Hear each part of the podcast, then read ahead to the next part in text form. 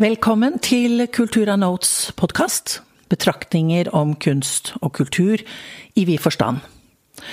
Mitt navn er Siri Vollan. Jeg er kunsthistoriker, fotograf, og i dag er tema fotografi. Jeg er så heldig å ha en gjest som er en av Norges mest utstilte, mest vinnende, mest publiserte, mest kjente fotograf og kunstner, nemlig Morten Krogvold. Du har holdt mange workshops i mange land, mm. og møtt mange mennesker. Hvordan skal vi snakke om fotografi? Det er et uh, godt spørsmål, så da tar, bruker vi fire timer på det.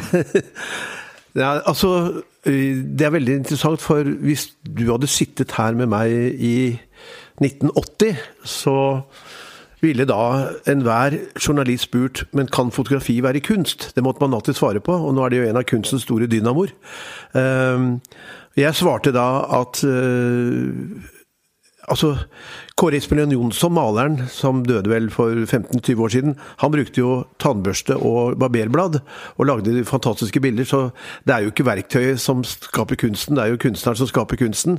Så jeg mener at vi skal snakke med fotografi på akkurat samme måte som man snakker om maleri, litteratur. På, jeg skiller ikke, egentlig. Så øh, vi snakker om dette med, som visuell kommunikasjon. Mm.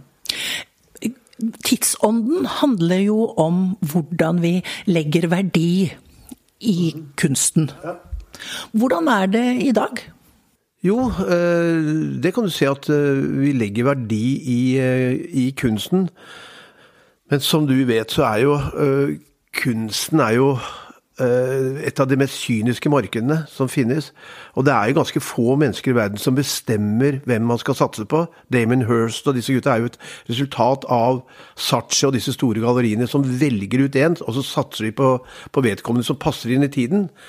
Eh, så det er én ting, men det andre er jo å arbeide tidløst.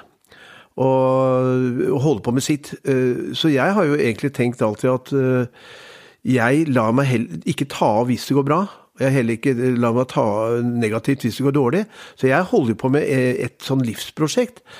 Eh, så hvis du mener dette med priser, f.eks., altså den verdien, f.eks. kommersiell verdi, så er det klart at uh, det skilles en stor uh, forskjell på mørkeromsarbeid og digitalt arbeid pga. holdbarhet, f.eks. Selv om da de store tyske fotografene selger for mange millioner, så er allerede en del av de bildene begynt å uh, fades ut, som ble solgt for 10-15-20 år siden. Så der kommer det en, en oppvask. Så jeg tror håndverket er jo veldig tilbake i kunsten. Det har vært fraværende, men nå er jo håndverket også inn. Tekstil, strikking, alt mulig. Så det, det, skjer jo veldig mye på hva som, er, eh, hva som treffer. Men det som til syvende og eh, sist treffer uh, over tid, det er kvalitet. Det er det altså, man holder på med. Og jeg er jo i hvert fall sånn som hater alt som har med trender og, og sånn å gjøre. Altså, jeg jeg syns jo det er egentlig patetisk å kaste seg på trender, men det gjør jo de fleste, da. For det er veldig lett å i fotografi spesielt, og etterape en som er god. For alle kan ta et greit bilde. Det er ikke noe vanskelig å ta et fotografi, det vanskelige er å finne ut hva man skal gjøre det stoffet, velge det stoffet, da. Mm. Så fotografiet, eller kamera, er et slags verktøy mer enn en Ja, men nå er jo det jeg brukte 15 år på å lære, det kan jo mobiltelefonen. Eh, så den fotografiske teknikken er nå så allm...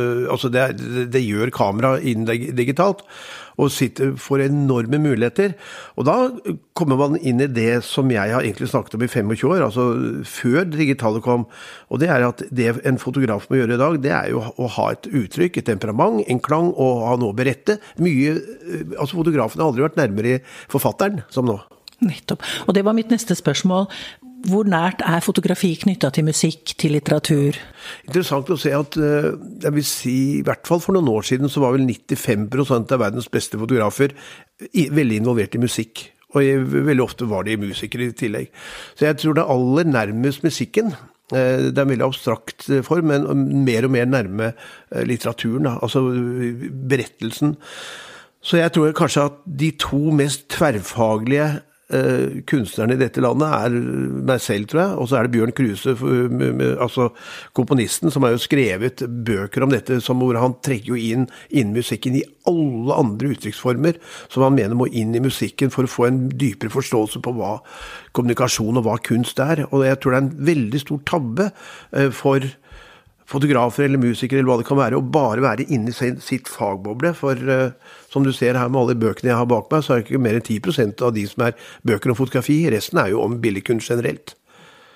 Så jeg tror veldig på dette med øh, å bringe inn hele kulturbegrepet inn i sitt arbeid. Og det er like viktig for meg å vite om ballett og film som om fotografi. Eh man bruker jo forskjellige hjernehalvdeler normalt sett. og Den matematiske delen, eh, logiske delen, er jo én, og den kunstneriske er jo egentlig den andre. Men det du sier nå, det er jo at det må jo begge deler til. Og ikke minst i fotografi, som også er en teknisk ingeniørutøvelse. Altså at du har dette forbanna kamera, som, som, på en måte er fotografis problem. Uh, for det Så du må, du må utøve det faget det gjør jo også alle andre. altså Du bruker logikk og fantasi, men vi må gjøre det fordi at vi har mye kortere tid. Så det kan være en dokumentarsituasjon, så må du bruke hele spekteret, for du må gjøre det fagmessige eh, løse kameras problem, lysproblem, dybdeskapighetsproblem, samtidig som du skal skape. Så da eh, Det er veldig likt musikk. For musikk så må Leif Ove Ansnes holde iskaldt hode. og Når Rakhmaninov fyker og går, da går det unna. Eh, og så må han ha tolkningen, som er da den skapende halvdelen, eh, i gang. Og jeg spurte Leif Ove i, da vi gjorde TV med han. Så sa jeg det er jo tusenvis av kinesiske pianister som spiller like som, eh, bra som deg. Altså som teknisk. Men folk er villige til å betale 2000 kroner for å høre deg i Carnegie Hall. Hvorfor? Og da svarte han ordrett at jo, det er mange veldig gode kinesiske pianister, eh, tekniske, men jeg har vel en evne til å berette en historie og få folk til å lytte, sier han. Og det er veldig få som har. Det er derfor han, han er kanskje best i verden. Er et, han er jo helt unik, men han har det lille ekstra. Så teknikken er bare et verktøy her. Og det er jo personligheten. Og da må man jo eh, da må man jo øh, sørge for å få inn en kunnskap som handler om veldig mye mer enn fotografi, for å lage fotografier som skal bety noe for folk. Det, det handler jo om tid og modenhet. Hvis man er moden, kunstnerisk moden i en alder av 20, eller man har en utvikling og er moden 50, eh, da har du jo noe med den verdien igjen. Hvordan kjenner man igjen den verdien? Hva tenker du på verdi da? Kunstneriske verdien som ligger i et uttrykk. Jo, jeg, eh, du ser, kjenner igjen uh, mye mer en ung fotograf enn en ung maler. For uh, fotografiet, etter min mening, nå kjører jeg en liten brannfakkel her, uh, jeg mener at fotografiet stort sett hele veien har ligget langt etter maleriet og tegningen og skulpturen og annen kunst. Det er, det er veldig få fotografer som har vært banebrytende, og jeg fikk jo en siden jeg underviser også i kunsthistorie, du er jo kunsthistoriker, eh, eh, så fikk jeg spørsmål hvis du skulle velge ut de 100 mest betydningsfulle kunstnerne, billedkunstnerne gjennom historien, hvor mange fotografer ville blitt? Og da sa jeg at jeg hadde vel ikke hatt med mer enn kanskje to-tre av det.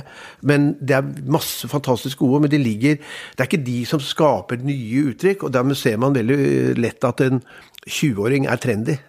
Gjør, for en 20-åring Uh, har ikke den uh, kunstforståelsen, men de kan være veldig mye bedre i maleri eller i musikk. Men i fotografi så ligger det Fordi det som Når jeg snakker om kamera, så har jo jeg på mine workshops, så, så, tegner vi. Og Hvis vi da tegner hver morgen etter f.eks. et landskap av Rembrandt, så ser jeg for det første at folk tegner veldig bra, og så er det 20 eller 25 tolkninger som vi kjenner igjen. Det er vidt forskjellige. Skal vi da fotografere, så blir det en reproduksjon. Da blir det en gjengivelse av Rembrandts uh, bilde, og det gjør jo at det er et kamera som har registrert det. Og det er fotografiets problem, at det er en registreringsmaskin som vi må bekjempe. Og Derfor tror jeg at de fleste gode, virkelig gode fotografer er eldre enn 20 år. For jeg ser de 20 år, jeg kjenner igjen med en gang. Eh, og dette gjorde de i New York for 10 år siden, dette gjorde de i Berlin for 20 år siden. Så det ligger en, en, en eh, mye plagiat her hos unge mennesker. Men jaggu, det tar jo tid. Og så tror jeg at eh, Og det har vært veldig interessant å få noen synspunkter på, for jeg håper jo inderlig at jeg har feil. Eh, men jeg lurer på om, undrer veldig på om de kunstneriske personlighetene er på vei ut og er døde, nærmest.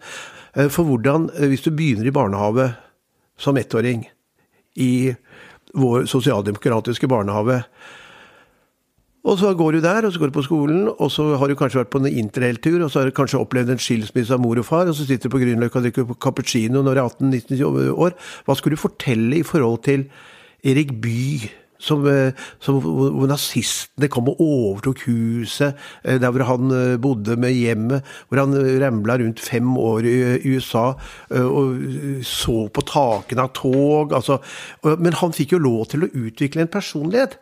Og hvis du tenker på en Erik Bye, han prins, altså premisset for å jobbe med han i NRK, det var jo at han kunne ringe en Bekken Larsen klokka tre om natta og vekke henne og si 'Nå har jeg skrevet dette her, nå må du høre her'. I dag ville jo det vært helt utenkelig, og det er ikke mange år siden. Han døde i 2005 eller 2006. Så det var lov til å være en annen. Og det er ikke mange år siden forfatteren Aksel Sandemose Da sa man jo at dagen er ikke omme før Sandemose har sovnet. Altså, Det var lov til å være en helt annen bohem. Enn, eh, men nå skal man hente barn i barnehage klokka fire, og så kan man kjøre med hjelm. og så, altså, ikke sant, Alt er blitt så skikkelig og dressert. Så denne galskapen som ikke er noe verdi i seg selv, men det at man får lov til å dra ut sin personlighet helt ut. Det er jo langt færre farverike personligheter i kunsten nå, Push var jo en av de siste, uh, enn det var for 30-40 år siden. En Bjørneboe og disse gutta her, altså, uh, som bare kjørte full spiker. Det er litt borte. Og det tror jeg ikke handler om, begavelsen. om begavelse. Det er ikke mange begavelser, men jeg tror ikke de får lov til å spille ut sin begavelse.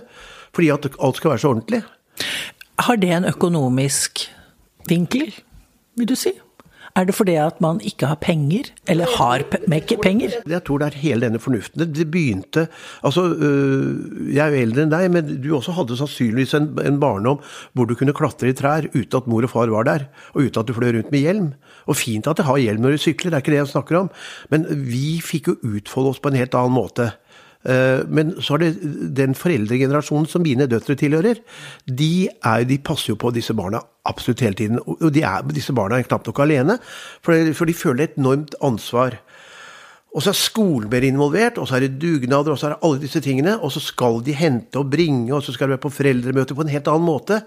Eh, så eh, denne redselen Jeg mener jo at det var farligere for oss å gå ut eh, i skauen alene for 50 år siden enn det er nå, for da fløy blotter og gærninger rundt.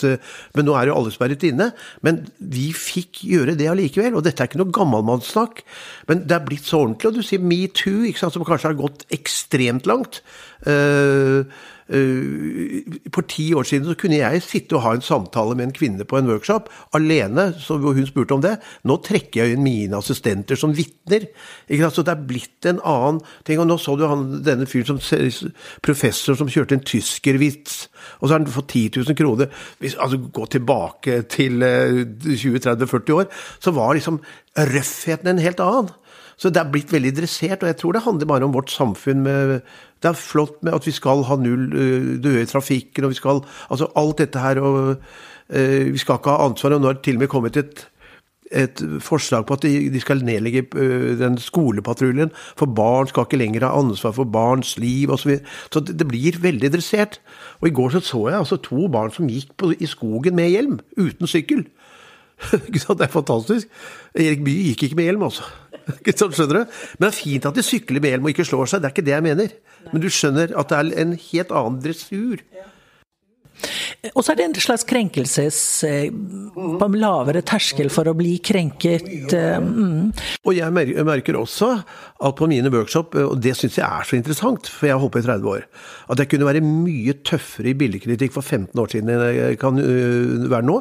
Så nå mildner jeg meg og så sier jeg bedre ting om en del bilder enn jeg egentlig mener, for folk tåler ikke. Og da går de i fosterstilling. Og, og, så det er et eller annet med robustheten, røffheten. Og jeg tenker på kunstakademi i gamle dager, hvordan det foregikk der. Hvordan disse uh, professorene kjørte på bare hvor skapet skulle stå og sånn. Og nå er det korrekt. og uh, alt må passes for. Så plutselig er det en student som klager til rektor, og så må han opp. ikke sant? Så det Tenk på Thor Hoff, altså maleren Thor Hoff, som uh, dessverre for han måtte være lærer, formingslærer på Sandaker ungdomsskole. Han gikk jo rundt og skjøt elevene med uh, vannpistol og sånn, men nå går jo lærerne i sånne Vegvesen-skjorter når, jeg- når jeg er i, i skolegården og sånn, ikke sant. Så det er blitt noe helt annet. Og det er sikkert fornuftig, men det, det ødelegger personlighetene. Og så ødelegger det kunsten, kanskje. Det er det du prøver å si. Men hvor avhengig er kunsten av et eh, du sier ofte melankoli, men et levd liv, da kanskje? Eller, eller, at man bruker erfaringen sin. Og hvis man er forskånet for erfaring, så får man jo ikke brukt det. Nei. Men denne melankolien, da, eller levd livet Veldig interessant at du kommer inn på altså, øh, Vår kanskje beste billedkunstner nå, Håkon Bleken, han sier at et maleri uten sorg er salongmaleri. Uh, og uh, Det betyr ikke at ting skal være trist, men melankolia, som betyr svart galle, er jo en av de fire kroppsvæskene som grekerne mente var den skapende delen. Så melankolia er jo den største leverandøren til, uh, til all kunst. Og det er også leverandøren til den store humoren. Altså, Det finnes jo ikke noe mer melankolsk enn Charlie Chaplin og Buster Keaton. Så det handler jo absolutt ikke med fravær av humor å gjøre. Og vi har jo en, som jeg håper disse lytterne, som hvis de ikke har sett filmene til Roy Andersson, at de i hvert fall da uh, får tak i dem. Uh, som er jo noe av det morsomste som er laget, men det er dypt alvorlig og melankolsk. Og han har jo skrevet en bok som, som heter 'Vår tids redsel for alvor'. Og da begynner han i sitt forord å si at dette handler aller minst om fravær av humor å gjøre, men det er å gå ned i dypet. Og hvis du ikke tenker over konsekvensen av et voksenliv, den kortheten som er igjen, du ikke, altså ikke, hvis du ikke tenker over døden og disse tingene, så, da har du faktisk ikke tenkt over livet i det hele tatt. Og jeg syns jo det er nesten forferdelig å se hvor, hvordan folk kaster bort tiden. Det er det grenser på hvor mange sånne TV-serier man skal følge med på Netflix og sånn. Jeg, syns jo du skulle stått da på på, en, på TV-en eller datamaskinen en gang hver time, så skulle kommet opp Én time nærmere døden med metamore, og så kommer det et timeglass. Er det verdt det? Og, du, og, hvis du sier ja, det er det verdt, men av og til må du tenke over de tingene. Det må du gjøre som billedkunstner, eller som maler, altså generelt, eller som musiker. Du, det er, den store kunsten handler om at du går ned i dypet. Og så kan det godt være noen som er gode til å showe off og er på Richard Prince, og disse gutta er jo jævla skapende. Spørsmålet er de, hvor interessante de er om 100 år. altså altså fantastiske begavelser, men nesten mer forretningsmessig, uh, ikke sant? Og han som tar Malbro-reklamer ut fra nettet og kjører opp svære bilder av det, og digger det hvis det kommer rettssak, og da får han enda mer publisitet. Det er en annen form enn uh, f.eks. Arne Norheims musikk, for eksempel, hvor Arne går helt så dypt inn i sitt sjelsliv. Og jeg kunne sitte så mye snakke om Arne Norheim så, i timevis, fordi at han var jo en som i Norge i hvert fall sprengte mye musikalske grenser. Han ble jo kalt for pling-plong-komponist. Han var et skjellsord i alle år. Ikke de siste 10-15 etter stormen kom. Men han bygget altså sine komposisjoner rundt eh, Jobbs bok, 2000 år, over 2000 år gammel. Han bygde det over eh, Cosomido, som fikk nobelprisen i litteratur i 1965, tror jeg. Som heter, altså Han hadde et utsagn som heter Enhver står alene på jordens overflate, gjennomboret av en sol solstråle, og med ett er det aften. Solo alene, terra jord, sera aften. Det bygget han sine ultramoderne uh, ting på, uh, og diktene til Rilke. Men for i hans modernitet så ser du også en enorm hengivenhet overfor tradisjonen. For i det øyeblikket du glemmer hele tradisjonen Det betyr ikke at du skal være gammeldags, men hvis du ikke tar hensyn til tradisjonen, så blir det nok et kortvarig kunstnerliv. Som du kan leve ved gallerister, rike gallerister som tenker at nå bruker vi deg i fem år, for nå er du inne i tiden. Men de som skal vare, må gå ned i dypet, ellers er det meningsløst. Det er jo det Sachi er kritisert for. Ja, ikke sant? Det er jo at han finner disse 15 minutes of fame. Disse unge, ekstremt Bravo for han på det, men jeg tror ikke det er de, de som vil overleve. altså Damon Hirst vil jo bli et fenomen, men han gjør også så mye jævla dårlig. Men så gjør han noe helt for Den der shipwreck-greiene han hadde og sånn, er jo utrolig fascinerende. Så jeg er veldig fascinert av han, samtidig som han gjør mye dårlig. Men det, det er ikke en som får meg beveget Altså, det, det, det, rører meg ikke, det beveger meg ikke.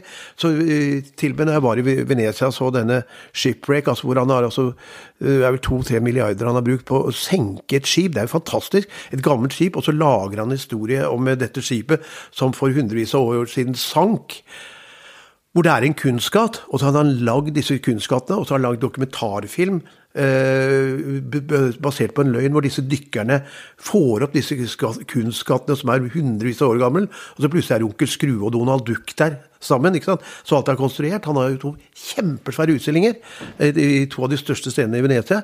Og jeg, det er dypt fascinerende, og det kan eh, han gjøre som er så styrtrik. Men det er en fantastisk idé. Men når vi har gått derfra, så tenker vi får en idé, og så er, er det jo borte. Altså det, det er ikke noe berikende. Men det er utrolig kult og kreativt og sånn. Men, det, men eh, når, da, når, du da setter deg ned og tar et glass rødvin og, og, og, bestiller noe god spagetti og la Mongolia og sånn, så er det jo, da har liksom, da snakker du så fint det var. Og jeg har, jeg har boka her, men jeg har ikke sett på den. Ikke? For, det, for eh, det, det, griper meg ikke noe, altså. Det er det. Jeg hadde en diskusjon med min veileder på kunsthistoriestudiet. Vi snakket en del om dette med salg og økonomi inne i kunstverden. For du skal jo selge og du skal jo omsette, men du skal helst ikke gjøre det likevel. Så noen faller da mellom to stoler eh, hvor økonomi spiller en rolle. Eh, eh og, da, eh, og da er det om å gjøre og hvordan finner man balansen mellom det kommersielle og det dype kvaliteten på en måte, Arne Norheim fikk jo ikke anerkjennelse før det var gått noen år. Ikke sant? Hvordan overlever man da, når man da ikke selger eller ikke Det er et godt spørsmål, for det er det, er det de beste klarer. Vet du, å overleve på, på, tross av dårlig salg og motstand, fordi dette betyr så mye. Og jeg jobber jo kommersielt. Eh, jeg får veldig lite stipendier. Jeg tror ikke jeg passer inn i tiden, sikkert. Så jeg jobber jo eh, med workshop, jeg jobber kommersielt jeg, med reklame. Men da jobber jeg bare dobbelt så mye som de andre, for jeg jobber veldig mye med egne bilder. Eh, men det gjør jo Eh, ekstremt mange av disse New York-kunstnerne. Det er ikke så mange som kan leve av det. Jeg, og jeg er ikke sikker på om Norge har et marked på at mange tusen som skal gå på Nav som er kunstnere. Jeg syns vi kan eh, ta trikke, kjøre trikk og, og vaske opp i restauranter og sånn i tillegg. Det, og det gjør så mange New York-kunstnere før de blir gode. Og er ikke, der er nåløyet trangt, det veit du jo. Men de eh, kjører taxi, og de vasker i gatene og, og, sånn, og så jobber de etterpå. Det var en, en veldig interessant utstilling i Stockholm for noen år siden eh, av en eh, fotograf, dette er 25 år siden, som heter Janne Bengtsson. Og den het Etter klokken 17. Det er da han gjorde sine ting, altså etter klokken 17. Og så kan vi jo gå opp til de store. og det er jo f.eks. Gustav Mahler, komponisten, og Rakhmaninov to av de, eh, og det er flere andre, som eh, de komponerte i lørdag, søndag og i ferien fordi de måtte overleve. og da hadde de, altså Mahler var en av de største dirigentene som var fulltidsansatt på Wien-operaen. Og Rakhmaninov gjorde jo 200-300 konserter i året, reiste rundt i USA og komponerte på natta i sommerferien og ble en av verdens største komponister. Eh, fordi dette betyr så mye. Så jeg tror at hvis du er en norsk kunstner i dag og er avhengig av å fly rundt på stipend i disse koronatider, da må du, syns jeg, revurdere hva du holder på med, hvor viktig det er, hvis du da på en måte begynner å pipe. Eh, jeg forstår Altså, jeg elsker jo eh, at vi har disse stipendordningene. Men jeg tror ikke vi kan forvente at tusenvis av, av norske kunstnere skal kunne leve av dette her. Altså, men det som samtidig som gjør at Norge, norsk, Norge har så god litteratur, er jo For vi har utrolig bra litteratur til å være så lite land. Og det, det, kom jo selvfølgelig også, som Edvard Hoem sa til meg, disse stipendordningene som kom på 70-tallet, som gjorde at du kunne skrive et, to dårlige bøker uten å være ute. Altså, så du, du, trengte ikke å tenke så marked, så du fikk en ny sjanse. Men det er klart at Norge har ikke behov for 1000-2000 billedkunstnere i dette lille landet som kan leve av det. Det går jo ikke. Så da får du bare gjøre jeg, var en som ropte ut eh, av vinduet Han hadde 'Hei, Morten, skal vi ta en øl en dag?' Og så var det en kunstner, og han kjørte tatt trikkelappen. He, og jeg bare digger det. Da jobber han sju timer der, og så, kan, så han jo kan jobbe med kunsten etterpå, så betaler han regninger. For hvis man skal hele tiden tenke marked, det store markedet, da blir det jo litt kitsch.